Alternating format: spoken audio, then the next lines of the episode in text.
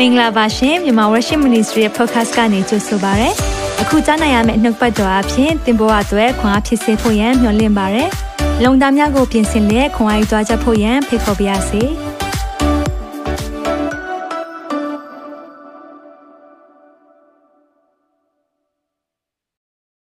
Hallelujah ဖျာရှင်တိတ်ကောင်းမြတ်ပါတယ်မိသားစုများနဲ့အခုလိုမျိုး online ပေါ်ကနေပြီးတော့မှနှုတ်ပတ်တော်တွေကိုပြန်လည်ဝေမျှခွင့်ရလို့ဖျာရှင်ရဲ့ကျေးဇူးကိုအထူးပဲချီးမွမ်းပါတယ်ဒီ platform ဆိုတဲ့နှုတ်ပတ်တော်ဟောပြောခြင်း platform က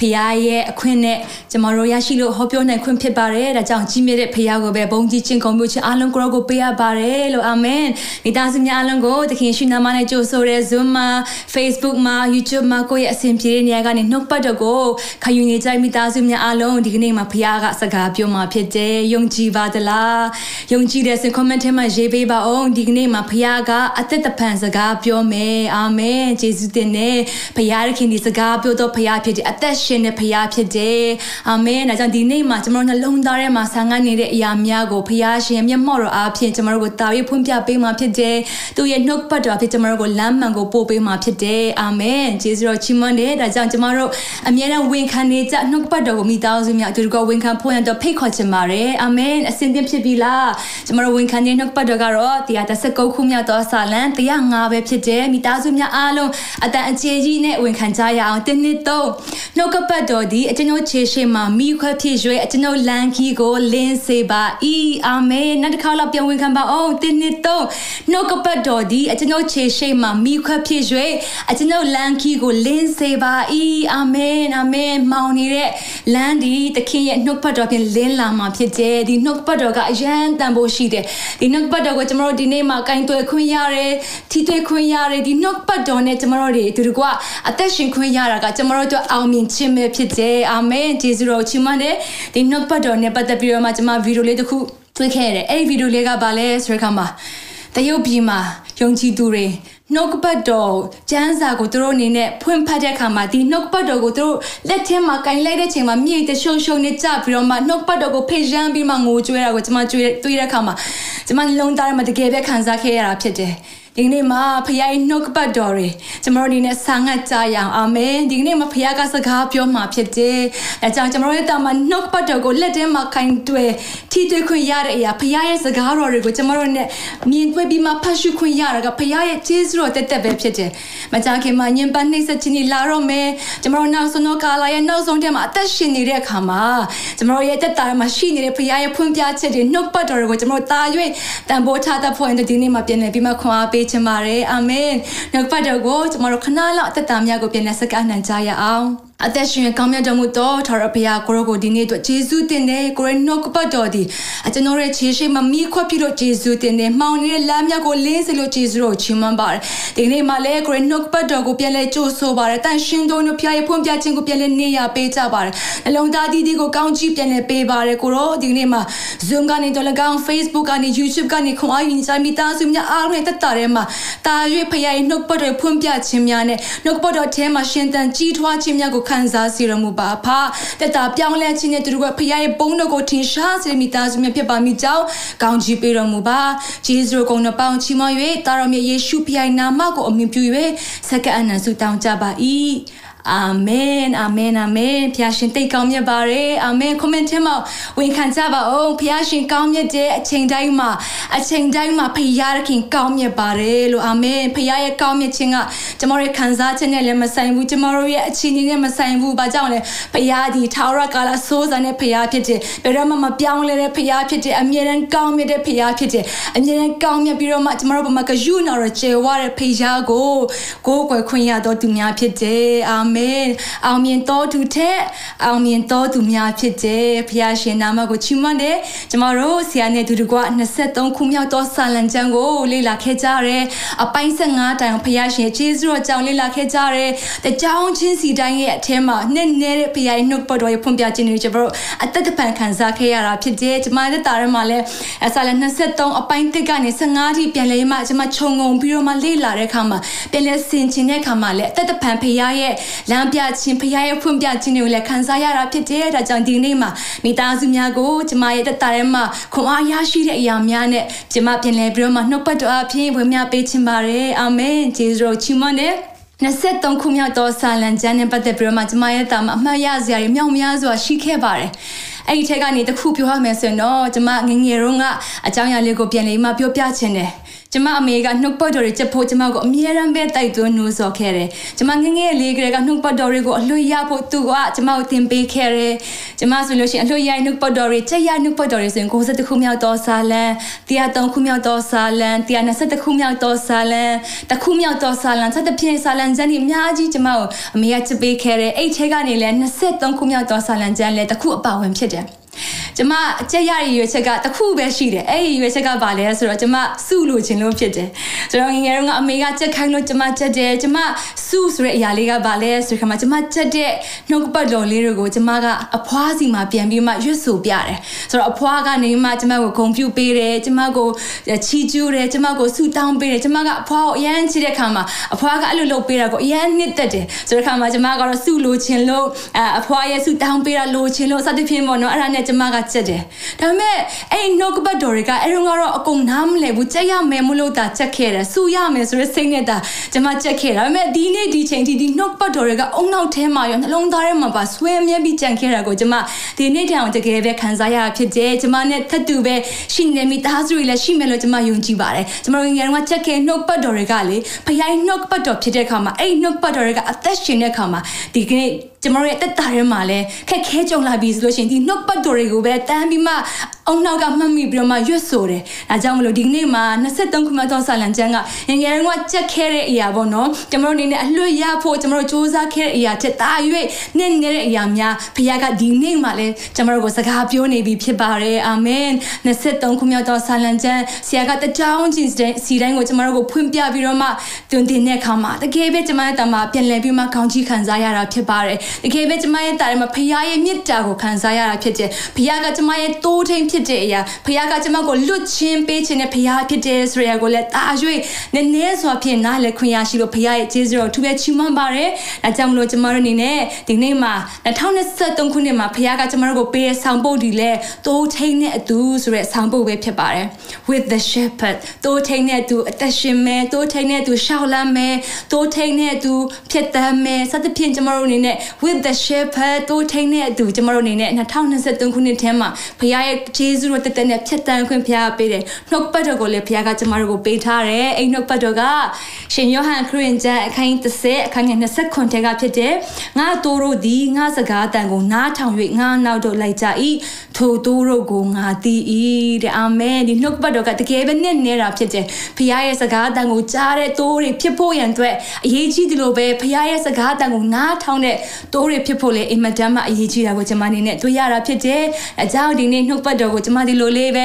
ခေါင်းစဉ်ပေးထားတာဖြစ်တယ်23ခုမြောက်သောဆာလမရတော့သင်ခန်းစာများဆိုပြီးတော့မှဒီနေ့မှာကျွန်မအနေနဲ့ခေါင်းစဉ်ပေးထားတာဖြစ်တယ် ကျမတို့အနေနဲ့23ခုမှသောဆာလန်ကျန်ဒီ poster လေးတွေမိသားစုရရှိမယ်လို့ယုံကြည်ပါတယ်နော်ဆိုတော့ဒီ poster လေးတွေမရသေးဘူးဆိုလို့ရှင်လဲကျမတို့မြန်မာ worship ရဲ့ Facebook Messenger ထဲမှာ Psalm 23ဆိုပြီးမှရေးပေးပါကျမတို့အနေနဲ့ဒီ poster လေးကိုပို့ပေးမှဖြစ်တယ်ဆိုတော့ဆရာနဲ့ကျမတို့အပိုင်း15ခုသွားပြီးပြီဖြစ်တယ်တိုးထိန်ကယင်းဒီကျောင်းဝင်ခြင်းထောက်ပံ့ခြင်းအနားယူခြင်းတိုးထိန်ထဲမှာလန်းဆန်းခြင်းရှိခြင်းကုသခြင်းလမ်းညွှန်ပေးခြင်းစုံစမ်းခြင်းတွေရင်ဆိုင်တဲ့အခါမှာလည်းအောင်မြင်ခြင်းကာကွယ်ခြင်းသစ္စာရှိခြင်းဘုရားရဲ့ကာကွယ်ခြင်းဖေးမခြင်းမြတ်တာရခြင်းဗိတ်သိက်ခြင်းခြေဝခြင်းကောင်းကြီးမင်္ဂလာခံစားခြင်းထာဝရကာလလုံခြုံခြင်းဆိုရက်အပိုင်း15ထဲမှာတကယ်ပဲကောင်းကြီးခံစားရတာဖြစ်တယ်ဒီအရာတွေကိုကျမအနေနဲ့ပြန်လိမ့်မှဆင်ခြင်သုံးသက်တဲ့အခါမှာလေ့လာတဲ့အခါမှာပေါ့နော်ဘုရားကကျမကိုနောက်တစ်ဆင့်ထပ်ပြီးတော့မှဖွင့်ပြတဲ့အရာတစ်ခုကဘာလဲဆိုတဲ့အခါမှာဒီ23ခုမြောက်သောဆာလံကျမ်းထဲမှာဘုရားရဲ့ဂတိတော်တွေမြောက်များစွာကိုကျမတို့တွေ့ရှိရတာဖြစ်တယ်ဒါပေမဲ့အဲ့ဂတိတော်တွေရဲ့အဓိကခြုံငုံတဲ့အရာကတော့အဓိကအထိပ္ပယ်ကတော့ကျမကိုဖခင်ကပါဖွင့်ပြလဲဆိုခါမှာသခင်နဲ့ယဉ်နီးကြုံဝင်ခြင်းပဲဖြစ်တယ်ဆိုမှကျမကိုဖခင်ကတက်တပံဖွင့်ပြပေးတာဖြစ်တယ်။သင်ကသခင်နဲ့ယဉ်နီးကြုံဝင်နေဆိုလို့ရှိရင်တိုးထိန်ကြီးကသင်ရဲ့တိုးထိန်ဖြစ်နေတယ်ဆိုလို့ရှိရင်သင်တက်တာထဲမှာခုနဖခင်ရဲ့ဂတိတော်တွေဖြစ်တဲ့ထောက်ပံ့ပေးခြင်းဖခင်ထံမှလာတဲ့ကုသခြင်းကျမ်းမာခြင်းလန်းဆန်းခြင်းအာမင်ကောင်းကြီးမင်္ဂလာတွေရှယ်လက်ရှိကောင်းကြီးမင်္ဂလာတွေဖခင်ရဲ့ကွယ်ကာခြင်းခြင်းထောက်ပံ့ခြင်းဖေးမခြင်းအာမင်ဖခင်ရဲ့ယေရှုနဲ့ကယူနော်ကိုတက်တာရမှာခံစားရရှိမှာဖြစ်တယ်ဆိုတဲ့အခါမှာကျွန်တော်တို့ယုံကြည်ယုံကြည်သူတွေတက်တာရမှာတခင်နဲ့ယဉ်ဤကျုံးဝင်ဖို့ကျွန်တော်တို့တကယ်ပဲဆန္ဒရှိတယ်ဒါပေမဲ့ကျွန်တော်တို့တာမှာတခင်နဲ့ဘယ်လိုယဉ်ဤကျုံးဝင်ရမလဲဆိုရကိုမသိတဲ့ချိန်မြောက်များစွာရှိတယ်ကျွန်တော်တို့တွေနဲ့နှုတ်ပတ်တော်နားထောင်တယ်တက်တာရမှာကျွန်တော်ဆင်ချင်တယ်ဒါပေမဲ့ဖခင်နဲ့ဘယ်လိုယဉ်ဤကျုံးဝင်ရမလဲဆိုရကိုကျွန်တော်တို့တွေနဲ့အခက်ခဲတွေ့တဲ့သူမြောက်များစွာရှိတယ်ဒီနေ့မှာကျွန်မနေနဲ့ဒီပြောပြတဲ့အချက်တွေအားဖြစ်မနော်ဖခင်ကမိသားစုကိုစကားပြောမြန်ဆိုတကယ်ပဲယုံကြည်တာဖြစ်တယ်နံပါတ်1အရေးကြီးဆုံးပေါ့နော်ကျွန်တော်တို့တခင်နဲ့ယဉ်ဤကျုံးဝင်ဖွင့်ရတော့အရေးကြီးတဲ့အရာကတခင်ကိုယုံကြည်ပါဆိုမှကျွန်မနံပါတ်1အနေနဲ့မိသားစုကိုခွန်အားပေးချင်တာဖြစ်ပါတယ်တင်းတက်တာထဲမှာသခင်ကိုယုံကြည်ပြီလားသခင်ကတင်းရဲ့တိုးထင်းလို့တင်ပြောနိုင်ဖို့ရန်အတွက်သခင်ကိုယုံကြည်လက်ခံဖို့ရန်အတွက်အင်မတန်မှအရေးကြီးတာဖြစ်ပါတယ်သခင်ရဲ့ဂတိတော်တွေတင်းတက်တာထဲမှာခံစားရရှိနိုင်ဖို့ရန်အတွက်သခင်ကိုတင်ယုံကြည်လက်ခံဖို့ရန်အတွက်အရေးကြီးတာဖြစ်ပါတယ်ကျွန်တော်ရဲ့တက်တာထဲမှာဖျားကိုတော့လေ တီးရှိကြတယ်ဖခင်ရဲ့ကောင်းမြတ်ခြင်းကိုကျွန်တော်တို့ကြားဘူးခဲ့ကြတယ်သခင်ကိုသခင်ရဲ့အကြောင်းကိုကျွန်တော်တို့တီးရှိခဲ့ကြတယ်ဒါပေမဲ့သခင်ကိုရောတကယ်ပဲတင်းနှလုံးသားထဲမှာတီးပြီလားလို့ဒီနေ့မှာမေးခွန်းမေးချင်ပါတယ်သခင်ကိုတကယ်ပဲတီးတယ်ဆိုလို့ရှိရင်သခင်ရဲ့ယဉ်ကျေးကြုံဝင်ခြင်းထဲမှာတင်ချင်လန်းစတဲ့လှမ်းနေပြီဖြစ်တယ်အာမင်တင်းတာထဲမှာကျွန်တော်ကြုံဘူးရလေနော်ကဲတင်ချင်းကိုငယ်ကလေးကအလွတ်ရပြီးပြီဖခင်ကကျွန်တော်တို့အသေးခံပေးတယ်ကျွန်တော်တို့ကိုချစ်တယ်တော့ရဲ့မြောင်းနေမှာရှင်ပြန်ထားမြောက်တယ်ဆိုရဲ story တွေကျွန်တော် sense ကိုမှကြားခဲ့ကြတယ်ကျွန်တော်ကြီးလာတဲ့အားနဲ့မြအတင်းတော်ထဲမှာကြားခဲ့ကြတယ်ဒါပေမဲ့အတင်းတာထဲမှာဒီဟာကြားပေမဲ့ဘာမှစိတ်လို့ရှာခြင်းမရှိဘဲနဲ့ရှိနေတယ်ဆိုလို့ရှိရင်ဒါကတင်ကအုံနောက်နဲ့ပဲတခင်ကိုတည်သေးတယ်လို့ပဲကျွန်မဒီနေ့မှာပြောပြချင်တယ်တကယ်ပဲဖခင်ကိုနှလုံးသားနဲ့တည်ကျွမ်းခြင်းဆိုတဲ့အရာကလေအသက်တာထဲမှာအင်မတန်မှပဲထင်ရှားပေါ်လွင်တာကိုကျွန်တော်တွေ့ရတာဖြစ်တယ်နှုတ်ပတ်တော်ထဲမှာဗာပြောထားလဲဆိုတဲ့အခါမှာယောမအော်ရာအခန်းကြီး30အခန်းငယ်9ကနေ7မှာအဘယ်တို့နီဟုမူက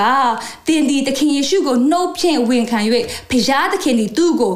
တေချင်းမှာထားမြောက်စေတော်မူပြီးဟုစိတ်နှလုံးထဲ၌ယုံကြည်လျင်ကဲတင်ချင်းတို့ရောက်လိမ့်မည်ဖြောင်းမတ်ရာတို့ရောက်ခြင်းကစိတ်နှလုံးဖြင့်ယုံကြည်ရ၏ကဲတင်ချင်းတို့ရောက်ခြင်းကနှုတ်ဖြင့်ဝန်ခံရ၏ကျမ်းစာလာဒီကထိုကြောက်ကိုအမိပြုတော်သူမိဒီကရှက်ကြောက်ခြင်းမရှိနိုင်ရဟုလာတည်းတဲ့အာမင်ကျွန်တော်တို့တာမအုံနောက်နဲ့တီးဖို့ဖခင်ကအလိုတော်မရှိဘူးနှလုံးသားနဲ့တီးပြီးတော့မှဖခင်ကိုယုံကြည်လက်ခံဖို့နှုတ်နဲ့ဝန်ခံဖို့ဒါကြောင့်ဒီနေ့ကျွန်တော်တို့နှုတ်ပတ်တော်ဟောပြောပြီးတဲ့ခါတိုင်းမှာကျမတို့အနေနဲ့အပြစ်သားရဲ့ဝန်ခံစုတောင်းခြင်းရဲ့အချိန်တိုင်းကိုကျမတို့အမြဲတမ်းပဲပေးတယ်ဒီကနေ့မှလည်းဒီနှုတ်ပတ်တော်ဟောပြောပြတဲ့အခါမှာသခင်ကိုယုံကြည်လက်ခံဖို့နီလန်းနေကျမတို့အနေနဲ့ပြောပြပေးခြင်းနဲ့သခင်ကိုယုံကြည်လက်ခံဖို့စုတောင်းဖို့အခွင့်အရေးလေးဒီနေ့မှပြန်နေပေးမှဖြစ်ပါတယ်တင်းတဲ့တိုင်မှာတိုးထိန်ရဲ့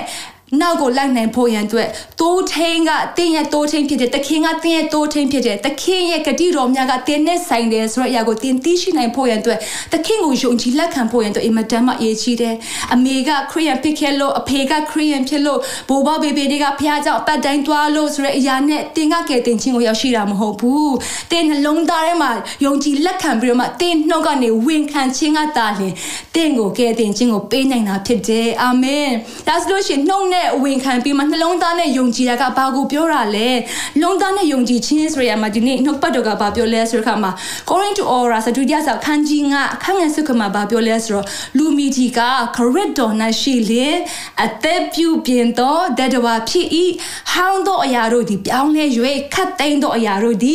အသက်ဖြစ်ကြပြီအာမင်ကျွန်တော်ခရစ်တော်ကိုနှလုံးသားထဲကနေယုံကြည်ပြီးတော့မှသူဟာကျွန်တော်ရဲ့ကယ်တင်ရှင်ဖြစ်တယ်ဆိုတော့တက်တာထဲမှာနှုတ်ကနေဝင်ခံတဲ့အခါမှာအသက်တာမှာပြုတ်ပြင်ပြောင်းလဲခြင်းဆိုတာကြီးကရှိလာတာဖြစ်တယ်အာမင်အသက်တာမှာပြောင်းလဲခြင်းရှိလာတယ်ကျွန်တော်တို့ဆရာခါနာပြောတဲ့အရာလေးရှိတယ်နော်ဆရာပြောတဲ့ခုတ်လေးရှိတယ်အဲ့ဒါကဘာလဲဆိုတော့ကျွန်တော်ဒီပြောင်းလဲပြီး ပြောင်းလဲနေစေအာမင်ယုံကြည်သူတက်တာကခရစ်တော်အဖြစ်ပြောင်းလဲသွားပြီးပြီဒါပေမဲ့တစ်ချိန်တည်းမှာပဲနေရစင်တိုင်းမှာကိုရောနီးသူကိုရောကဲတော့အသက်ရှင်နိုင်ဖို့လို့ငါကျွန်တော်တို့ပြောင်းလဲနေစေဖြစ်တယ်အာမင်ဒါကြောင့်တင်တက်တာရဲ့မှာအုံနောက်နဲ့ပဲယုံကြည်နေသေးတာလားနှလုံးသားနဲ့တကယ်ယုံယုံကြည်ရဲ့လားဒီတကယ်ဆန်းဆက်စင်နေလို့ရှင်တော့တင်တက်တာရဲ့မှာလေအိတ်နှုတ်ပတ်တော်ကြီးရောက်လာတဲ့အခါမှာအဲ့ဖရားရဲ့ကယ်တင်ခြင်းရောက်လာတဲ့အခါမှာအသက်တာမှာလေအရင်ဘဝလိုမနေချင်တော့ဘူးဘဝဟောင်းကိုမပျော်တော့ဘူးဘဝဟောင်းကိုထားခဲ့ခြင်းပြီအာမင်အရင်ကကြိုက်နှစ်တက်ခဲ့တဲ့ရုပ်ရှင်ဇာတ်ကားတွေအရင်ကကြိုက်နှစ်တက်ခဲ့တဲ့သူတစ်ပါးအကြောင်းပြောချင်တဲ့အရာတွေအရင်ကကြိုက်နှစ်တက်ခဲ့တဲ့ခိုးတက်တဲ့အရာတွေစသဖြင့်ဒီရရဲ့အားလုံးကဒီအသက်တာအသက်ထဲမှာနေလို့မရတော့ဘူးအာမင်ဖခင်ရဲ့မြစ်တာကရောက်လာတဲ့အခါမှာဘဝအဟောင်းကိုပြောင်းလဲစေတာဖြစ်တယ်ဘဝအသက်ထဲမှာရောက်ရှိလာတာဖြစ်တယ်ဒါကတိတ်သက်တာထဲမှာသခင်ကိုတင်ဒီကဲတင်ပိုင်ရှင်နဲ့အရှင်သခင်ဖြစ်နှလုံးသားနဲ့ယုံကြည်လက်ခံခြင်းကတက်တည်ဖြစ်တယ်အာမင်ဒီနေ့မှာခွန်အားပေးချင်တာကကျွန်တော်တို့တိုးထိန်ချောင်းကိုကောင်းကောင်းနားလည်ပြီးပြီးတိုးထိန်ကကျွန်တော်တို့ကိုကာကွယ်ပေးမယ်ကျွန်တော်တို့ကိုစောင့်ရှောက်ပေးမယ်ကျွန်တော်တို့ကိုထောက်ပံ့ပေးမယ်ကျွန်တော်တို့နဲ့အမြဲတူရှိတဲ့တိုးထိန်ဖြစ်တယ်သူနောက်လိုက်ရင်ကောင်းကြီးရှိတယ်သူနောက်လိုက်ရင်သူကွဲခါပေးမယ်သူနောက်လိုက်ရင်တော့မှဘဝမှာဆင်းရဲခြင်းမခံစားရဘူးဂျေဇုနဲ့ဂယုနာတို့ကထာဝရကာလတိုင်လိုက်မယ်ဒါပေမဲ့တင်းတာထဲမှာဒီရကိုအုံနောက်နဲ့ပဲတည်တော်သူမဖြစ်ဖို့အရေးကြီးတာဖြစ်တယ်နှလုံးသားနဲ့ယုံကြည်လက်ခံပြီးမှနှလုံးသားထဲမှာဖခင်ရဲ့ကယ်တင်ခြင်းရရှိတဲ့အခါမှာအသက်တာရဲ့အသက်ရှင်ခြင်းမှာလည်းပေါ်လွင်လာတာဖြစ်တယ်အာမင်ဒါကြောင့်ဒီနေ့မှာအရေးကြီးဆုံးကတော့တိုးထိန်ကြီးရဲ့ဂတိတော်နဲ့တိုးထိန်ကြီးနောက်လိုက်ဖို့ရန်အတွက်အရေးကြီးတာကတော့သခင်ကိုယုံကြည်လက်ခံဖို့ပဲဖြစ်တယ်သခင်ကိုယုံကြည်လက်ခံမှသာလျှင်သခင်နဲ့တင်နဲ့ ဆက်ဆိုင်တဲ့ခါမှာသခင်ထံမှာရှိတဲ့ဖခင်ရဲ့ဂတိတော်တွေကောင်းကြီးမင်္ဂလာတွေကတင်နဲ့ဆိုင်သွားမှာဖြစ်တယ်အာမင်အကြောင်းမလို့ဒီရအားဖြင့်ဖခင်ရှင်ကမိသားစုကိုစကားပေးမှလို့ယုံကြည်ပါတယ်နံပါတ်2အချက်သခင်ရဲ့ယဉ်နှီးကြုံဝင်ခြင်းတက်တာရှိဖို့ရန်အတွက်သခင်ကိုအချိန်ပေးပါလို့ဒီနေ့မှာခွန်အားပေးခြင်းပါတယ်အချိန်ပေးဖို့ရန်အတွက်အင်မတန်မှအရေးကြီးပါတယ်ဆရာနဲ့ကျမတို့အရင်တော့က relationship ကျမတို့ရှိခဲ့တဲ့ခါမှာ ဆရာကတော့အင်္ဂလန်မှာရှိတယ်ကျမက Melbourne မှာရှိတယ်ကျမတို့အချိန်တိုင်းနဲ့ကြည့်မယ်ဆိုတော့အင်မတန်မှကွာခြားတယ်ဒါပေမဲ့တရားတယောက်ချစ်တဲ့ခါမှာလေအချိန်ပေးခြင်းတယ်တရားတယောက်ချစ်တဲ့ခါမှာလေသူတို့ကဟိုမှာညဖြစ်ပြီးညနဲ့နေပြီးကျမဒီနေ့မှာဆိုမနဲ့အဲ့လိုမျိုးမနဲ့ညအရန်ကွာဟပင်မဲ့တရားတယောက်ဂယူးဆိုင်တဲ့ခါမှာတရားတယောက်တန်ဖိုးထားတဲ့ခါမှာအချိန်ပေးကြတယ် ဒီတိုင်းပဲဖြစ်တယ်ကျမတို့တတမှာသခင်ရဲ့အခဲ့တင်ချင်းကျမတို့တတမှာရရှိပြီးပြီဆိုတဲ့အခါမှာသခင်ကိုကျမတို့ယဉ်နှီးကြုံဝင်ခြင်းလာတယ် တခင်ကိုအရင်ကတီးခဲ့တာတဲ့ဒီချိန်မှာတာ၍တီးချင်တဲ့နှလုံးသားတွေရှိလာတယ်။ဒီຢာကကျွန်တော်ရဲ့တက်တာထဲမှာတခင်ကိုအချိန်ပေးချင်လာတာဖြစ်တယ်။ကျွန်တော်ရဲ့တာမှာဖခင်ရဲ့ဖွင့်ပြခြင်းကိုတက်တာထဲမှာခံစားချင်တယ်ဆိုတဲ့အရာတွေကျွန်တော်ရဲ့တာမှာရှိတယ်။ဖခင်ကိုအရင်တတီးချင်တယ်။ဒါပေမဲ့ကျွန်တော်ရဲ့တာမှာဖခင်ကိုအချိန်မပေးဘူးဆိုလို့ရှိရင်ဖခင်ရဲ့နဲ့နေတဲ့အရာတွေကိုနားလည်နိုင်မှာမဟုတ်ဘူး။ဒီနေ့မိသားစုတွေ online ပေါ်မှာနှုတ်ပတ်တော်နားဆင်ကြတယ်။ ကျမတို့ Wednesday ဒီနေ့ဗုဒ္ဓဟူးနေ့ဖြစ်တယ် mid week ဖြစ်တယ်ဒါပေမဲ့ဘုရားကိုချစ်တဲ့နှလုံးသားတွေနဲ့ကျမတို့အချိန်ပေးကြတယ်နောက်ပတ်တော့ online မှာဒီလို live လွှင့်တဲ့အကိုမလွတ်တမ်းနားထောင်တာကပါလေဘုရားရဲ့ဖွင့်ပြမဲ့နဲ့နေတဲ့အရာတွေကိုတန်ဖိုးထားပြီးမှဘုရားနဲ့ယဉ်နှီးခြင်းအချိန်နာရီကိုကျမတို့ဒီစောင့်နေခြင်းပဲဖြစ်တယ်အာမင်အဲ့ဒီလိုမျိုးရှိတဲ့အရာသစင်ပြီးသစင်မှမှဘုရားရဲ့နဲ့နေတဲ့အရာတွေကိုကျမတို့ကိုဘုရားကပြန်လည်ပြီးမှစကားပြောမှဖြစ်တယ်ကျမတို့ဘုရားက24နာရီတရားစင်ကိုပေးထားတာဖြစ်ပါတယ် ၈နိုင်ကျမတို့အလုံးလုံးမယ်၈နိုင်အိမ်မယ်နောက်ကျန်တဲ့၈နိုင်မှာကျမတို့ဘာလို့ဘလို့အသက်ရှင်နေလဲဘလို့ဖြတ်တန်းနေတယ်လဲကျမတို့ရဲ့တာမှာဖျားနဲ့အချိန်ယူတတ်ဖို့ရန်အတွက်အရန်ပဲအရေးကြီးတာဖြစ်ပါတယ် ဒါဝိမင်းကြီးရဲ့တက်တာသူ့ရဲ့တက်မှာဒါဝိမင်းကြီးမဖြစ်သေးတဲ့အချိန်မှာဒါပေမဲ့သူရှောလူရဲ့အရန်ကနေထွက်ပြေးနေရတဲ့အချိန်မှာပင်လေဖျားနဲ့သူအချိန်ယူနေတာဖြစ်တယ်ဖျားရဲ့ပိတ်တိတ်ချင်းမရှိခင်ကလေးကသူငယ်စဉ်ကလေးကတိုးတွေထိန်ထိန်ချောင်းနေတဲ့အချိန်မှာပင်လေသူဖျားနဲ့အချိန်ယူတယ်ဖျားဝန်နိုင်မွေးလော်တဲ့အခါမှာအချိန်တန်တဲ့အခါမှာဖျားရဲ့ချီးမြှောက်ခြင်းခံစားရဖြစ်တယ်59ခုမြောက်သောဆာလန်ဆိုကျွန်မအရင်နှစ်သက်တဲ့အငယ်ခွန်ကနေတစ်စင်မှာဗပြောထားလဲဆိုတော့အိုးဖျားသခင်အချင်းတို့နှလုံးဒီတီးချပါဤအချင်းတို့နှလုံးဒီတည်ချပါ၏တချင်းဆိုပါမည်ချီးမွမ်းထွန်းမနာပြုပါမည်အိုးငါဝိညာဉ်နှိုးလော့တယောနှင့်ဆောင်းတို့နှိုးကြလော့ငါလည်းဆွဆောနှိုးမည်အာမင်ဒီနေ့မှာကျွန်တော်တို့ဝိညာဉ်ကိုပြန်လဲနှိုးဆော်ဖို့လိုတယ်ကျွန်တော်တို့ဝိညာဉ်ကလေပင်ပန်းတတ်တယ်အားနည်းတတ်တယ်ကျွန်တော်တို့ကြောက်လဲဇာတိကိုအချိန်ပေးတဲ့ခါမှာဇာတိကအရန်လွှမ်းမိုးလာတဲ့ခါမှာဝိညာဉ်ကအားနည်းတတ်တယ်ဒီအချိန်မှာကျွန်တော်တို့ကဖျားနဲ့အချိန်ယူခြင်းကိုပြန်လဲမှအချိန်တတ်မှတ်ဖို့ရန်အတွက်အရန်ကိုအရေးကြီးတာဖြစ်တယ်အိုးငါဝိညာဉ်နှိုးလော့တဲ့တယောနဲ့ဆောင်းတို့နှိုးကြလို့တဲ့ငါလည်းဆွဆွနှုံးမြည်အာမင်ကျွန်တော်တို့တမဖရားနဲ့အချိန်ယူခြင်းဆုတောင်းခြင်းနာရီတွေကိုပြန်လဲတတ်မှတ်ဖွင့်တဲ့အင်မတန်မှအရေးကြီးတာဖြစ်တယ်။အိုးထာဝရဘုရားပရိသတ်အလယ်၌ကိုရောကိုချီးမွမ်းပါမည်။လူမျိုးတို့တွင်ကိုရောအားထောမနာတခြင်းဆိုပါမည်။အချားမူကကယူနာတော်ဒီကောင်းကင်တို့၎င်းသက်စာတော်ဒီမိုးတိမ်တို့၎င်းမိပါ၏တဲ့အာမင်အာမင်။ဒါဝိရဲ့တတအဖြစ်ကျွန်တော်မြောက်များစွာတင်ရတယ်။ဒါဝိတတအဖြစ်ကျွန်တော်တို့တမဖရားကိုဘယ်လိုမျိုးစာငတ်ရမလဲဘယ်ဖရားကိုဘယ်လိုချင်းကပ်ရမလဲဆိုရအမြောက်များစွာကျွန်တော်တို့တမသင်ခန်းစာများစွာရရှိတာဖြစ်တယ်သူရဲ့တက်တာထဲမှာဆိုလို့ရှိရင်သူရဲ့တက်တာကထပ်ပြင်းနေရတဲ့ချိန်ဖြစ်တယ်သူ့ကိုကွာကွယ်မယ်ဆိုရဲဘယင်ကြီးကသူ့ကိုတတ်ဖို့လိုက်တဲ့ခါမှာ သူအနေနဲ့ထွက်ပြေးတင်းဆောင်ရတယ်အဲ့ဒီအချိန်မှာပြင်ရင်သူဖះကိုဆန်ငတ်တာဖြစ်တယ်ဖះကိုအချိန်ပေးတာဖြစ်တယ်ထွက်ပြေးနေရတဲ့အချိန်မှာဖះမျက်မှောက်ကိုသူအမြဲရှာတော့သူဖြစ်တယ်ဒါကြောင့်မလို့သူရဲ့တာထဲမှာဖះရဲ့ကောင်းမြတ်ခြင်းခုလိုမျိုးဆာလ23ဆိုတဲ့အရာတွေထွက်လာတာဖြစ်တယ်တခြင်းတွေထွက်လာတာဖြစ်တယ်ဖះကိုချီးမွမ်းတဲ့ဂုဏ်တော်တွေဟိုသူရဲ့တာထဲမှာထွက်လာတာဖြစ်တယ်ဒါတွေကပါလဲဆိုတဲ့အခါမှာဖះနဲ့အချိန်ယူခြင်းအပြင်ဖះထဲမှာမှွေလော်ခြင်းအပြင်ထွက်လာတဲ့အရာများပဲဖြစ်တယ်ဒါကြောင့်တင်းရဲ့တာထဲမှာဖះရဲ့အသုံးပြုခြင်းခံစားဖို့အတွက်ဖះရဲ့ဖွင့်ပြခြင်းရရှိဖို့အတွက်ဖခင်နဲ့အချိန်ယူဖို့အတွက်အင်မတန်မှအရေးကြီးတာဖြစ်တယ်အာမင်ဖခင်နဲ့အချိန်ယူကြရအောင်တခါလေမှာဖခင်ကကျမတို့ကိုချက်ချင်းကြီးစကားပြောချင်မှပြောလိုက်မယ် ကျမရဲ့တာမလည်းမှတ်မိသေးတယ်ဖះကိုယုံကြည်လက်ခံပြီးတဲ့အခါမှာဖះရဲ့မြတ်တာတကယ်ပဲအသက်တာမှာခံစားလာတဲ့အခါမှာကျမ်းစာဖတ်တဲ့အရာကလေအကုန်လုံးနားမလည်ပေမဲ့ဖတ်လို့ကိုမဝဘူးဒီနေ့မှာဖတ်ပြီးဆိုလို့ရှိရင်မနေ့ပြန်မှာမနေ့ပြန်ဖတ်မဲ့ကျမ်းစာမှာဘုရားကဘာစကားပြောမလဲဆိုတော့စသဖြင့်တကယ်ပဲစိတ်လှုပ်ရှားမှတကယ်ပဲရင်ခုန်လာတာဖြစ်တယ်။အမေချက်ချင်းပဲဘုရားရဲ့ဖွင့်ပြချက်တွေရဲ့ဘုရားရဲ့နဲ့နဲ့အရာကိုတော့အကုန်လုံးနားမလည်ပေမဲ့ဆာငတ်တဲ့အရာဘုရားကတကယ်ပဲစိတ်ဝင်စားတာဖြစ်တယ်။အာမင်။ဘုရားနဲ့အချိန်ပေးခြင်းနေ့တိုင်းကျွန်တော်တို့သွားတဲ့အခါမှာဘုရားကစကားပြောမှာဖြစ်တယ်။ဘုရားကတင်းကိုပို့ဆောင်ပေးမှာဖြစ်ပါတယ်။အာမင်။ဒါဝိမင်းကြီးပဲမဟုတ်ဘူးဒီနေ့မှာလဲကျွန်တော်တို့တာမှာသခင်ယေရှုခရစ်တော်ကိုယ်တိုင်ပင်လင်လောကမှာအသက်ရှင်တဲ့အခါမှာအဖကင်မရာနဲ့သူအမြဲစကားပြောတာဖြစ်တယ်နှုတ်ပေါ်တော့ထဲမှာမှတ်တမ်းတင်ထားတယ်ရှင်လုကာထဲမှာဆိုလို့ရှိရင်အခန်းအခန်းကြီး9အခန်းငယ်16မှာကိုရိုဒီတော့အရတို့ကြွား၍ဆုတောင်းလေရှိတော်မူ၏တဲ့ ဝေါသခင်ဆုတောင်းတယ်သခင်ဖရားနဲ့အချိန်ယူတယ်သူကဖရားလေသူကိုယ်တိုင်ကဖရားလေဒါပေမဲ့အဖခင်မတော်နဲ့အမြဲတမ်းပဲသူစကားပြောတယ်တဲ့နောက်ရှင်တို့ကအခန်းကြီး6မှာလဲထိုနေ့ရဲ့ကာလနဲ့ကိုရောဒီဆုတောင်းပထနာပြုခြင်းကတောင်းပေါ်တို့ကြွား၍ဖရားသခင်အားဆုတောင်းပထနာပြုလက်တညလုံးနေတော်မူ၏တဲ့ဝေါယင်းနီကျုံးဝင်ချင်းရှိတဲ့အခါမှာဖရားကိုအချိန်ပေးလိုက်သူနေ့အချိန်မှာအမှုတော်မြတ်ထဲမှာသူစေခံတဲ့အခါမှာ ညအချိန်မှာ तू အချိန်ရှိတဲ့အချိန်မှာဖះကို तू ချိန်ပေးတယ်အဖားနဲ့ तू အမြဲစကားပြောတယ် तू ဘာလို့မလဲဆိုတော့အမြဲတိုင်းပင်တာကိုကျွန်တော်ဒီနှုတ်ပတ်တော်ဖြစ်သိရှိရတာဖြစ်တယ်အာမင်နောက်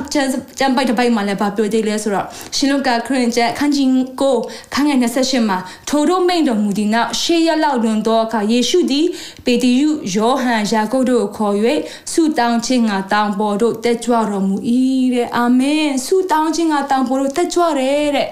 ကျမတို့ကိုကယ်တင်တဲ့သခင်သူဟာဖျားစစ်စစ်ဖြစ်တယ်သူကိုယ်တိုင်လည်းဖျားဖြစ်ပေမဲ့အဖခင်မရောနဲ့အမြဲတမ်းပဲစကားပြောတဲ့ဖျားဖြစ်တယ်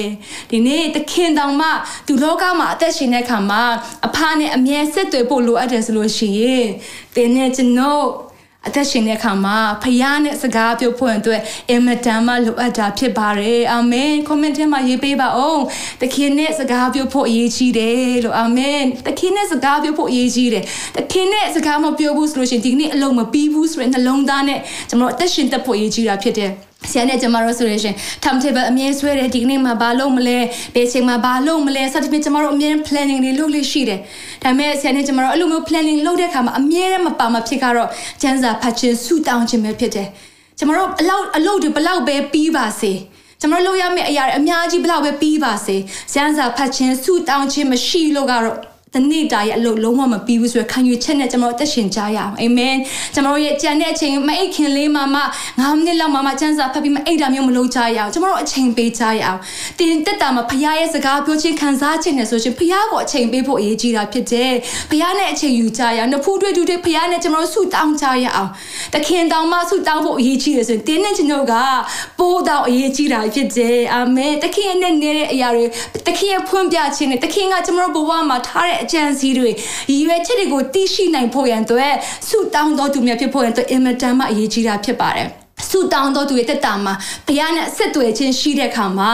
အာမင်ဘုရားရဲ့ကောင်းချီးမင်္ဂလာလက်တာမှာခံစားရရှိမှာဖြစ်တယ်။အဲကြောင့်မလို့ကျွန်မအနေနဲ့နံပါတ်3အနေနဲ့ခွန်အားပေးချင်တာကသခင်နဲ့အမြဲချိတ်ဆက်နေပါအာမင်။သခင်နဲ့ယဉ်ကျေးကြွမ်းဖို့ရန်အတွက်သခင်ဟာတင်းရဲ့တိုးထိန်ဖြစ်တယ်လို့တင်ဝန်ခံနိုင်ဖို့ရန်အတွက်သခင်နဲ့အမြဲတမ်းပဲချိတ်ဆက်နေဖို့ရန်အတွက်အင်မတန်မှအရေးကြီးတာဖြစ်ပါတယ်။နောက်ပတ်တော်ကပြောထားလဲဆိုတော့ရှင်ယောဟန်ခရစ်ကျက်ခိုင်း15ခန်းငယ်၄ကနေခွန်ငါ၌တည်နေကြလောငါဒီလဲတင်တို့၌တည်နေမည်စပြည့်ခက်ဒီအပင်၌မတည်လင်ကိုအလိုလျောက်အတိမတည်နိုင်တကယ်တော့တင်တို့ဒီငါ၌မတည်လင်အတိမတည်နိုင်ကြငါဒီစပြည့်နွယ်ပင်ဖြစ်၏တင်တို့ဒီအခက်များဖြစ်ကြ၏အချင်းသူဒီငါ၌တည်၍ငါဒီလဲသူ၌တည်၏ထိုသူဒီများစွာသောအတီးကိုတည်တတ်၏ငါနှင့်ကွာလင်တင်တို့ဒီအမဲအပဲအမှုကိုမြတ်မတတ်နိုင်ကြငါ၌မတည်သောသူဒီတွေးချသောအခက်ခဲတို့ပြင်တို့ပြစ်လိုက်ခြင်းကိုခံရ၏ထိုတို့သောအခက်များကိုလူတို့ဒီစုတဲ၍မိတဲ့တို့ချလိုက်ကြ သဖြင့်မိလောင်ခြင်းတို့ရောက်ကြ၏နောက်ဆုံးတစ်ကြောင်းနဲ့တူတူဖတ်ကြရအောင်တင်တို့သည်ငါ၌တည်၍ငါစကားသည်တင်တို့၌တည်လျင်တင်တို့သည်တောင်းခြင်းသမျှကိုတောင်း၍ရကြလိမ့်မည်အာမင်အာမင်ဒီမှာဖခင်ရဲ့ဂတိတော်ကနောက်မှာအမြဲတမ်းပါနေတာဖြစ်တယ်ကျွန်တော်တို့လုပ်ဖို့ကပါလေတခင်နဲ့ဆက်သွယ်နေဖို့ရတော့အရေးကြီးတာဖြစ်တယ်တင်းတာမှာလေကိုကိုရင်တွားနိုင်တယ်လို့တင်ထင်နေဆိုရင်မှားသွားလိမ့်မယ်တင်းဘဝမှာလေတင်ကပညာရေးကောင်းလို့အလောက်ကန်ကောင်းလို့ဝင်ငွေကောင်းလို့တင်ဟတင်ရက်တင်နိုင်လို့တင်ထင်မှားလိမ့်မယ်အာမင်ဘာကြောင့်လဲကဘာပေါ်မှာချမ်းသာလူမြောက်များဆိုစိတ်မချမ်းသာလူမြောက်များဆိုရှိနေတယ်တင်းရဲ့တက်တာထဲမှာတခင်ကတာလေတင်းကိုဖြည့်ဆည်းပေးနိုင်တာဖြစ်တယ်တခင်ရဲ့ဆက်သွယ်နေမှတာလင်းတင်းတက်တာထဲမှာအမြဲတမ်းတည်မြဲနေမှာဖြစ်တယ်တခင်ထံကနေလာတဲ့ဝမ်းအမြောက်ခြင်းတက်တာတင်းရဲ့တက်တာထဲမှာရရှိမှာဖြစ်တယ်ဒီနေ့မှာခွန်အားပေးခြင်းပါတယ်ကျမတို့တာမှာဝမ်းမြောက်ခြင်းရှိဖို့လိုအပ်တယ် happiness နဲ့ joy ဆိုတဲ့အရာလေးကိုပြောပြချင်တယ် happiness ဆိုတဲ့အရာကလေကျမတို့အချိန်ကြီးကောင်းရင်ပြောရဲငွေကြီးရှိရင်ပြောရဲကျမ်းမာရင်ပြောရဲဒါက ပျော်ရွှင်ခြင်းအခြေအနေနဲ့သက်ဆိုင်တဲ့ပျော်ရွှင်ခြင်းဖြစ်တယ်။ဒါပေမဲ့ဖျားပေးခြင်းနဲ့ပျော်ရွှင်ခြင်း joy ဆိုတဲ့အရာကြီးကလေ happiness နဲ့မတူဘူး။ joy ဆိုတဲ့အရာကဝမ်းမြောက်ခြင်းဖြစ်တယ်။အဲ့ဒီ joy ဆိုတဲ့အရာကြီးကလေအခြေအနေမကောင်းရင်လည်းဝမ်းမြောက်နေတာ။အဲ့ဒီဝမ်းမြောက်ခြင်းကလေအခြေအနေနဲ့မသက်ဆိုင်ဘူး။အာမင်။အဲ့ဒီဝမ်းမြောက်ခြင်းကြီးကလေပတ်စံရှိလို့ဝမ်းမြောက်တာမဟုတ်ဘဲနဲ့အဲ့ဒီဝမ်းမြောက်ခြင်းကဘယ်ကနေလာတယ်လဲဆိုတော့လေအထဲကနေလာတဲ့အရာဖြစ်တယ်။အထဲကနေသခင်နဲ့ဆက်သွယ်ခြင်းအပြင်လာတဲ့ဝမ်းမြောက်ခြင်းကြီးကလေအပြင်မှာခက်ခဲပါစေပတ်စံမရှိပါစေအစင်မပြေဒီဖြစ်ပါစေတခင်အထက်နဲ့ဝမ်းမြောက်နေခြင်းဘာကြောင့်လဲအဲ့ဒီဟာကတခင်နဲ့ဆက်သွယ်ခြင်းအပြင်ရရှိတဲ့အရာဖြစ်တယ်ဒါကြောင့်လို့လူတွေတော်တော်များများကလေပတ်စံရှာနိုင်ပါတယ်ငွေကြီးရှိပါတယ် background တောင်းပါဒါပေမဲ့စစ်မှန်တဲ့ပျော်ရွှင်ခြင်းသူတို့ရဲ့တာမှာတကယ်ပဲမရှိဘူးစစ်မှန်တဲ့ဝမ်းမြောက်ခြင်းဆိုတဲ့အရာကြီးကတကယ်ပဲမတက်တာမှမရှိနေဘူးတချို့ဆိုလို့ရှိရင်ကိုယ့်ကိုယ်တက်သေးခြင်းနဲ့စိတ်တွေဖြစ်လာတယ်ဘာကြောင့်လဲသူတို့ကလောကမှာပေးတဲ့ပျော်ရွှင်ခြင်းကခဏတာပဲဖြစ်တဲ့အခါမှာသူတို့သိနေတယ်သူတို့အထဲမှာဟာတတိုင်းရှိနေတယ်ဒါပေမဲ့ဒီကနေ့မှာကျမတို့ကိုတခင်ကလေကျမတို့အထက်ကနေစီးစင်းတဲ့အာမင်ဝမ်းမြောက်ခြင်းနဲ့ကျမတို့ကိုဖြည့်ဆည်းပေးခြင်းနဲ့ဖရားဖြစ်တယ်အဲကြောင့်ဒီနေ့တင်းတဲ့တာထဲမှာဖရားခင်ကနေလာတဲ့ဝမ်းမြောက်ခြင်းရရှိနိုင်ဖို့ရန်အတွက်အခြေအနေနဲ့မသက်ဆိုင်တဲ့ဝမ်းမြောက်ခြင်းရရှိနိုင်ဖို့ရန်အတွက်တခင်နဲ့အမြဲတမ်းပဲဆက်သွယ်နေဖို့ရန်အတွက်အရေးကြီးတာဖြစ်တယ်တင်းတဲ့တာကတခင်မရှိလို့မရဘူးတခင်နဲ့တာလင်တင်းနဲ့ဆက်သွယ်မှတာလင်တခင်နဲ့ယဉ်ဤကျုံဝင်ခြင်းထဲကိုရောက်ရှိပြီးတော့မှတင်းတဲ့တာထဲမှာဖရားရဲ့ဂတိတော်များကိုခံစားရရှိမှာပဲဖြစ်တယ်။နှုတ်ပတ်တော်ဘာခွန်အားပေးထားလဲဆိုတော့ယေရမိအနာဂတ်ချမ်းခိုင်ဆက်ခွန်အငယ်ခွန်ကနေရှင်းမှာထာဝရဘုရားကိုကိုးစားတော်သူအာမင်ထာဝရဘုရားကိုမိမိကိုးစားရအကြောင်းဖြစ်စေတော်သူသည်ကောင်းကြီးမင်္ဂလာကိုခံအပ်တော်သူဖြစ်၏တဲ့အာမင်တင်းတာထဲမှာလေကောင်းကြီးမင်္ဂလာခံစားခြင်းနဲ့ဆိုရင်ဘုရားကိုကိုးစားဖို့အရေးကြီးတယ်ဘုရားနဲ့ဆက်သွယ်နေဖို့အရေးကြီးတယ်အဲ့မှာအငယ်ရှင်းမှာ ထိုသူဒီကယေရှိတော်အရ၌ဆက်၍မျက်နာမအမြင့်ဖြာသဖြင့်ပူသောအရှင်ရောက်ကြောင်းကိုမသိအရွတ်မညွန်နွယ်မိုးခေါင်သောကာလ၌စိုးရိမ်စရာမရှိဘဲအစင်အမြဲအတီးကိုတည်တတ်သောအပင်နှင့်တူ၏တဲ့အာမင်ဒီဟာကိုကျွန်တော်ကြည့်တဲ့အခါမှာဖျားပေးတဲ့ဝမ်းမြောက်ခြင်းကြီးကလေအပြင်းမှနေပူနေမယ်အပြင်းမှမိုးခေါင်တဲ့ကာလရှိလိမ့်မယ်ဒါပေမဲ့ကျွန်တော်တို့ရဲ့မြက်အမြက်ကမြက်နားမှာစိုက်ထားတဲ့အပင်ကဲတော့ပင်နဲ့တခိနဲ့ဆက်သွယ်ထားတဲ့အခါမှာအစင်အမြတ်အတီးကိုတီးနေမယ်လူတွေကညီးတွားနေတဲ့ချိန်မှာလူတွေကစိတ်သက်ကြနေတဲ့ချိန်မှာလူတွေကပင်ပန်းနွမ်းနေတဲ့ချိန်မှာကျွန်တော်တို့ကဝမ်းမြောက်ခြင်းရောက်ရှိနေတယ်ကျွန်တော်တို့တာမှာအမှုတော်မြတ်မထမ်းဆောင်ရပျော်ရွှင်နေတယ်လောကမှာအလုပ်လုပ်ပေမဲ့လည်းတခင်ရဲ့အလုပ်ကိုလို့တကယ်တော့ကျွန်တော်တို့ကအယမ်းပဲဝမ်းမြောက်နေတယ်ကျွန်တော်တို့ကိုမြင်တဲ့အခါမှာလူတွေကဟောဒီလူကဘာတူလဲဘလောက်အဲ့တောင်ပျော်ရွှင်နေတာလဲဘလောက်အဲ့တောင်မှဝမ်းမြောက်နေတာလဲဆိုရင်မအံ့ဩရလိမ့်မယ်ဘာကြောင့်လဲဒါကအခြေအနေကနေပေးတဲ့အရာမဟုတ်ဘူးကျွန်တော်လုံးနိုင်တော့ရှိတဲ့အရာမဟုတ်ဘဲနဲ့ဖခင်ရဲ့အထဲကနေရှိတဲ့အရာအဖြစ်စီးစင်းတဲ့အခါမှာအတီးကိုတီးနိုင်တာဖြစ်တယ်အာမင်ဒါကြောင့်တင်းတဲ့တာရမှာလေဖခင်ရဲ့ဂတိတော်ရရှိဖို့ရန်အတွက်ဖခင်နဲ့မပြတ်ဆက်သွင်းနေပါဖះနဲ့မပြတ်တွာလာနေပါဖះနဲ့မပြတ်ပဲနဲ့အမြဲတမ်းအချိန်ပေးပါ တတင်းတဲ့တာထဲမှာအသီးကိုတီးရမှာဖြစ်တယ်အာမင်လှပတဲ့အသီးတွေတင်းအသီးအားဖြင့်လူတွေကောင်းချီးမိလာခံစားရမှာဖြစ်တယ်ဖခင်ရဲ့ဘုန်းတော်ကိုထင်ရှားစေမှာဖြစ်တယ်အာမင်အာမင်အကြောင်းဖခင်နဲ့ဆက်သွယ်နေကြရအောင်ဖခင်ထဲမှာကျွန်တော်တို့အနေနဲ့အမြဲတမ်းပဲအမျက်တည်ကြရအောင်ဒီထားမှာကျွန်တော်တို့တာမှာဘယ်တော့မှမပြိုလဲတော့ဘူးဘယ်တော့မှမရိုင်လဲဘူးဖခင်ကကိုညီမဆပေးနေမှာဖြစ်တယ်အာမင်အာမင်ကျေးဇူးတော်ချီးမွမ်းတယ်နောက်အနေနဲ့နံပါတ်၄ သခင်နဲ့ယဉ်ကျေးကြောရင်ဖို့ရန်အတွက်သခင်စကားကိုနားထောင်ပါလို့ဒီနေ့ခွန်အားပေးခြင်းပါတယ်23ခုမြောက်သောဆာလံကျမ်းတစ်ခုလုံးမှာကျွန်မပြန်လည်ဆင်ခြင်တဲ့အခါမှာသခင်နဲ့ယဉ်ကျေးဖို့ရန်အတွက်သခင်ရဲ့စကားကိုနားထောင်တတ်ဖို့ရန်အတွက်အရေးကြီးတာဖြစ်ပါတယ်လောကမှာအတန်တွေအများကြီးရှိတယ်လောကမှာလေတင်းကိုပြောမဲ့အတန်တွေအများကြီးရှိတယ်လောကစကားတွေကပြည့်နှက်နေတာပဲဒီချိန်မှာတင်ဘယ်ဟာကိုနားထောင်မလဲအကုန်ရှိနေတယ် လောကကတင့်ကိုပြောတဲ့စကားတွေကလေအမြဲတမ်းအနှုတ်လက္ခဏာဖြစ်တယ်လောကကတင့်ကိုစူးစမ်းရမယ်လောကကတင့်ကိုပြောလိုက်မယ်တင်မပြည့်စုံသေးဘူးတင်အစင်မမီသေးဘူးစသဖြင့်တင့်ကိုပြောလိုက်မယ်ဒါပေမဲ့ဖခင်ရဲ့စကားကိုတင်ရွေးချယ်နားထောင်တတ်ဖို့အရေးကြီးတယ်တိုးကလေ တိုးထင်းရဲ့စကားနောက်ကိုပဲလိုက်တယ်ကျမတို့အရင်ကဆရာပြတဲ့ဗီဒီယိုလေးကျမတို့မှတ်မိမိထင်ပါတယ်နော်ကျမတို့တိုးတွေအများကြီးပဲရှိနေတယ်လွန်ပြင်ထဲမှာအဲ့မှာတိုးထင်းလည်းရှိတယ်အဲ့မှာចောင်းသားတအုပ်စုကတိုးတွေကိုသူတို့ကစပြီးမှခေါ်ကြည့်တာပေါ့နော်အမျိုးမျိုးလုပ်ပြီးခေါ်ခေါ်ကြည့်တယ်တိုးထင်းခေါ်တဲ့ပုံစံမျိုးလိုက်ပြီးမှခေါ်ကြည့်ပြီးမဲ့တိုးတွေကလုံးဝကိုလက်မကြည့်ဘူးမြစ်ပဲစားနေကြတယ်ဒိန်မနေနေကြတယ်ဒါပေမဲ့ ရုတ်တရက်ကြီးတိုးထင်းကစပြီးမှအတန်ကိုပေးလဲပေးလိုက်ရောတိုးတွေကရှိတဲ့နေရာတွေတန်းပြီးမှတိုးထင်းစီကိုပြေးသွားတာကိုကျွန်တော်တို့တွေ့ရတာဖြစ်တယ်အာမင်တင်းနဲ့ကျွန်တော်ကတိုးဖြစ်ဖို့ရန်အတွက်တိုးထင်းရဲ့စကားကိုနားထောင်တတ်ဖို့အရေးကြီးတာဖြစ်တယ်ဘေးပတ်ဝန်းကျင်ကဘလောက်ပဲစကားတွေတင့်နားမှာထူထပ်နေပါစေ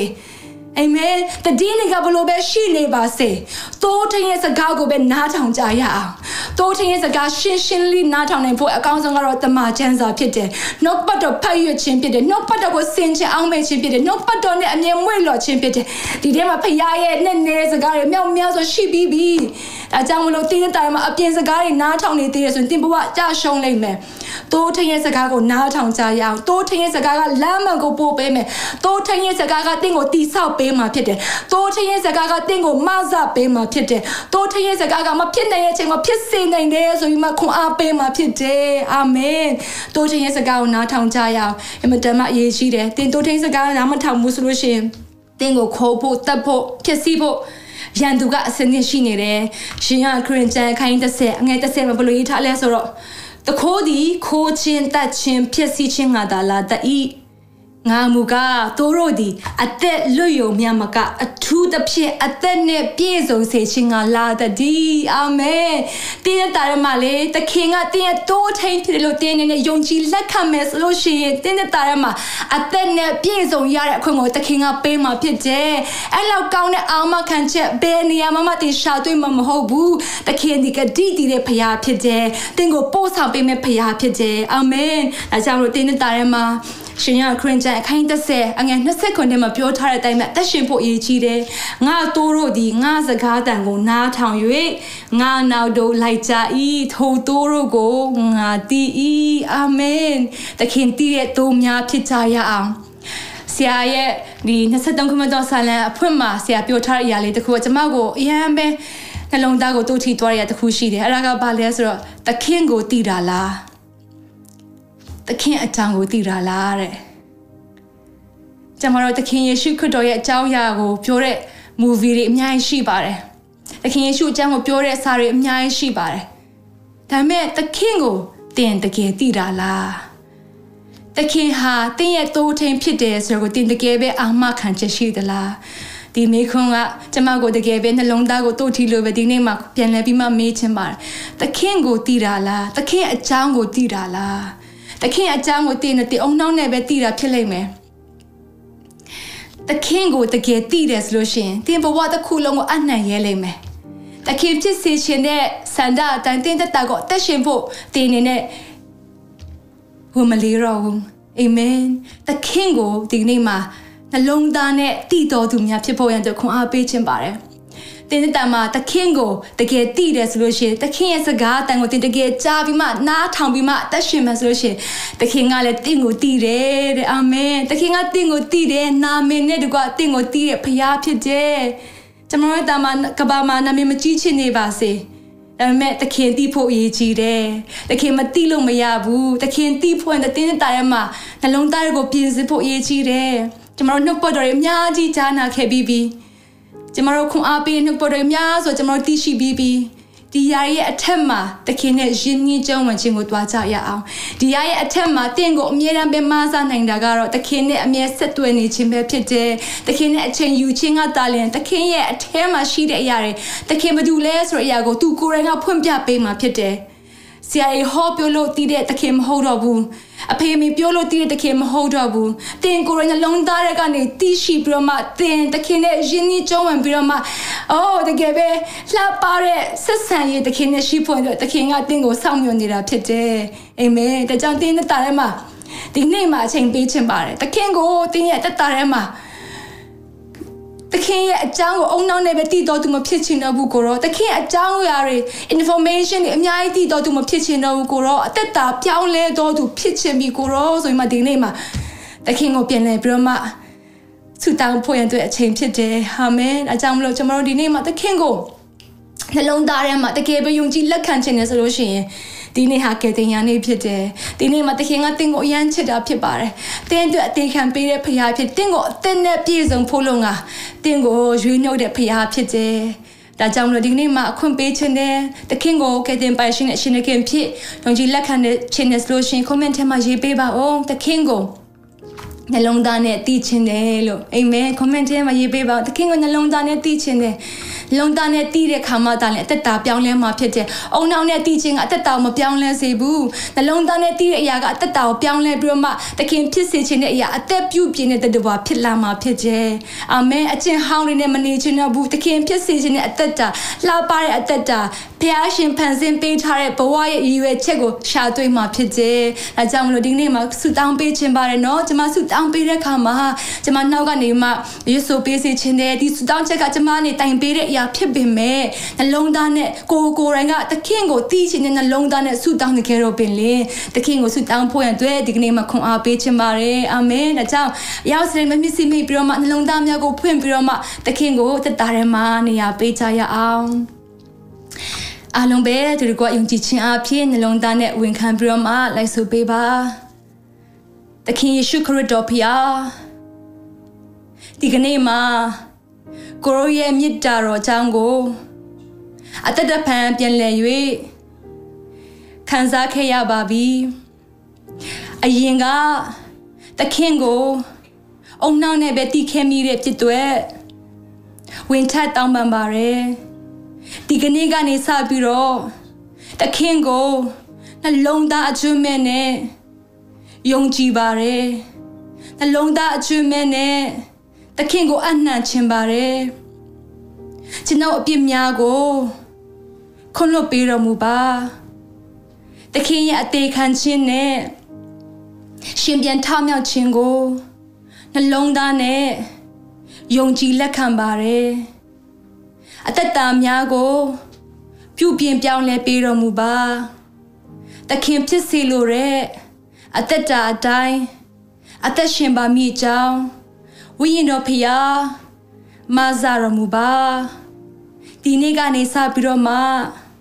တခင်နဲ့တာ၍ရင်းနှီးကြုံဝင်ခြင်းပါတယ်ကျွန်ုပ်နှလုံးသားကိုအုပ်ဆိုးပါကိုရောကိုအကျွန်ုပ်ဤ ကဲတင်ပန်ရှင်နဲ့အရှင်တခင်ဖြစ်ယုံကြည်လက်ခံပါ၏တက်တာများကိုအနံပါ၏တခင်အလိုတော်ရှိသည့်အတိုင်းအသုံးပြုတော်မူပါပြုပြင်ပြောင်းလဲပေးတော်မူပါသခင်ယေရှု၏နာမ၌ဆုတောင်းဆက်ကအနံပါ၏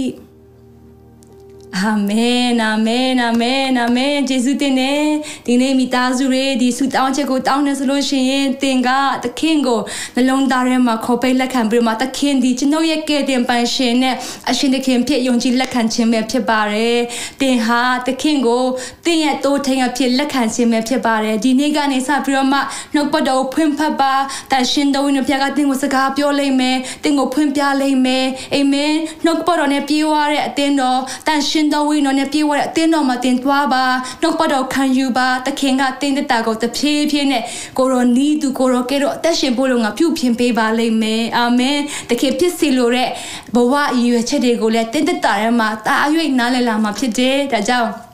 ဒီနေ့23ခုမြောက်ဆာလံကျမ်းအဖြစ်ကျမတို့လေ့လာခဲ့တဲ့ရခွန်အားယူခဲ့တဲ့အရာတွေအားလုံးကိုခြုံငုံမယ်ဆိုတော့ကျမတို့တော့တခင်နဲ့ယဉ်နှီးကျုံဝင်ခြင်းရှိဖို့ရန်အတွက်အင်မတန်မှအရေးကြီးတာဖြစ်တယ်။တခင်နဲ့ယဉ်နှီးကျုံဝင်ဖို့ရန်အတွက်ကနံပါတ်1တခင်ကိုယုံကြည်လက်ခံဖို့အရေးကြီးတယ်။အာမင်နံပါတ်2အနေနဲ့တခင်ကိုအချိန်ပေးဖို့အရေးကြီးတယ်။နံပါတ်3အနေနဲ့တခင်နဲ့အမြဲတမ်းပဲချိတ်ဆက်နေဖို့အရေးကြီးတယ်။နံပါတ်4အနေနဲ့ကျမတို့ရဲ့တက်တာထဲမှာတခင်ရဲ့စကားကိုနားထောင်ပြီးတော့မှအသက်ရှင်ဖွင့်အတွက်အရေးကြီးတာဖြစ်တဲ့ဒီရမတာလင်ကျွန်တော်တက်တာထဲမှာဖခင်ရဲ့အကြံစီကိုတွေ့ရှိမယ်ဖခင်ရဲ့ဂတိတော်နဲ့ကောင်းချီးမင်္ဂလာများသည်တင်နဲ့ကျွန်တော်တို့ဖြစ်တယ်အာမင်အာမင်အရောက်စင်ကိုဖျားရှင်ကောင်းကြီးပေးပါစေဒီနေ့မှလည်းမိသားစုများအားလုံးကိုလည်းခွန်အားပေးခြင်းနဲ့ဆုတောင်းပေးခြင်းပါတယ်ဒါကြောင့်အားလုံးပဲပေါ့နော်တစ်ခါတော့ဆုတောင်းကြရအောင်စက္ကအနံကြရအောင် အသက်ရှင်နေမှုတော်ထရဖီယာကိုရိုကိုဒီနေ့တော့ဂျေဇုတင်ပါတယ်ကိုရနှုတ်ပတ်တော်ဒီအသက်ရှင်လို့ဂျေဇုတော်ချီးမွမ်းပါနှလုံးသားများကိုပြောင်းလဲပေးနေလို့ဂျေဇုတော်ချီးမွမ်းပါတယ်တက်တာများကိုပြုပြင်ပေးနေလို့ဂျေဇုတော်ချီးမွမ်းပါတယ်23ခုမြောက်သောဆာလံကျမ်းအဖြစ်ကိုရဲစကားပြောခြင်းများတို့ဂျေဇုတော်ချီးမွမ်းပါတယ်တာသမီများအကြီးဆုံးနဲ့အငယ်ဆုံးတောင်ဆက်လက်ကောင်းချီးပေးတော်မူပါခွန်အားများကိုပေးတော်မူပါကိုရိုသူတွေဘဝတက်တာရှောက်လန်းတဲ့အခါမှာကိုရိုဒီသူတွေအရှိကနေအမြဲပဲရှက်တီပေးတဲ့ဖရာတကြံကိုတိုင်းနားလည်စေတော်မူပါကိုရိုရဲ့အကြံစီထဲမှာတက်ရှင်တော်သူများဖြစ်ပါမိကြောင်းကောင်းချီးပေးတော်မူပါတိုးထိန်ရဲ့စကားကိုနားထောင်ပြီးတော့မှတိုးထိန်နောက်ကိုလိုက်တော်သူများဖြစ်စေတော်မူပါတိုးထိန်ကိုနှလုံးသားနဲ့ယုံကြည်လက်ခံတော်သူများဖြစ်စေတော်မူပါအဖတိုးထိန်ရဲ့လက်တော်ထဲမှာဘဝတစ်ခုလုံးကိုရဲရင်ဆိုဖြင့်အနံ့ရဲတော်သူများဖြစ်ပါမိကြောင်းလဲကောင်းချီးပေးတော်မူပါဂျေဇုတင်တဲ့ဒီနှုတ်ပတ်တော်များအားလုံးကိုဆက်လွေခရရှင်ကကောင်းချီးပေးပါနှုတ်ပတ်တော်မျိုးစေ့များအပင်ပေါက်စေပါကြီးထွားစေပါပြန်လည်၍ကိုရောဘုံတော်ထင်ရှားဖို့လုံငါတက်သေးဖြစ်စေတော်မူပါအဖတက်တာချန်နိုင်ခန္ဓာစိတ်ဝိညာဉ်အားလုံးကိုပြန်လည်စကတ်တဲ့တာသမီးများရောက်စဉ်တပတ်တာလုံးကိုလည်းခွန်အားများပေးပါလမ်းပြပေးပါသူတို့ရဲ့လှုပ်သွားခြင်းတွေဖြစ်စေသူတို့ရဲ့ဝင်ခြင်းထွက်ခြင်းအိမ်မှာရှိတွေဖြစ်စေအော်သူတို့ရဲ့အချမ်းစီတစ်ခုစိန်ပေါ်မှာဖခင်ရဲ့လမ်းပြခြင်းနဲ့ကိုယ်ခါခြင်းရှိပါမိကြောင်းလက်တော်ထဲမှာစက္ကအနန္တခါမှာကယ်တင်ရှင်သခင်ရှုဖခင်ဤနာမကိုမြှပြု၍ဆုတောင်းအနှံကြပါ၏ဖဖရခင်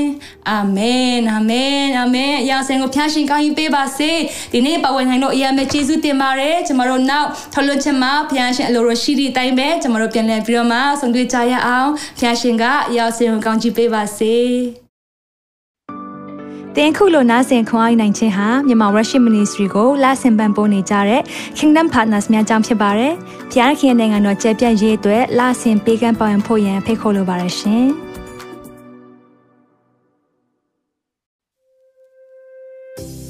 အခုကြားနာခဲ့ရတဲ့နှုတ်ပတ်တော်အဖြစ်ခွန်အားရရှိမယ်လို့ယုံကြည်မျှော်လင့်ပါတယ်။ ခွန်အားရဆိုလို့ရှိရင်ဒီတစ်ပတ်နဲ့ပြန်လည်ဝင်မြပေးဖို့ရန်တောင်းဆိုပါရစေ။မြန်မာ Worship Ministry ရဲ့ website myanmarworship.com ကိုလည်းလာရောက်လေ့လာဖို့ရန်အတွက်ဖိတ်ခေါ်ချင်ပါတယ်။တချိန်ထဲမှာမြန်မာ Worship Ministry ရဲ့ social media platform များဖြစ်တဲ့မြန်မာ Worship YouTube Channel, မြန်မာ Worship Facebook Page နဲ့မြန်မာ Worship Instagram များကိုလည်းလာရောက်လေ့လာဖို့ရန်အတွက်ဖိတ်ခေါ်ချင်ပါတယ်။နောက်တစ်ချိန်မှာပြန်လည်ဆုံတွေ့ကြပါစို့။ဖျားရှင်ကောင်းကြီးပေးပါစေ။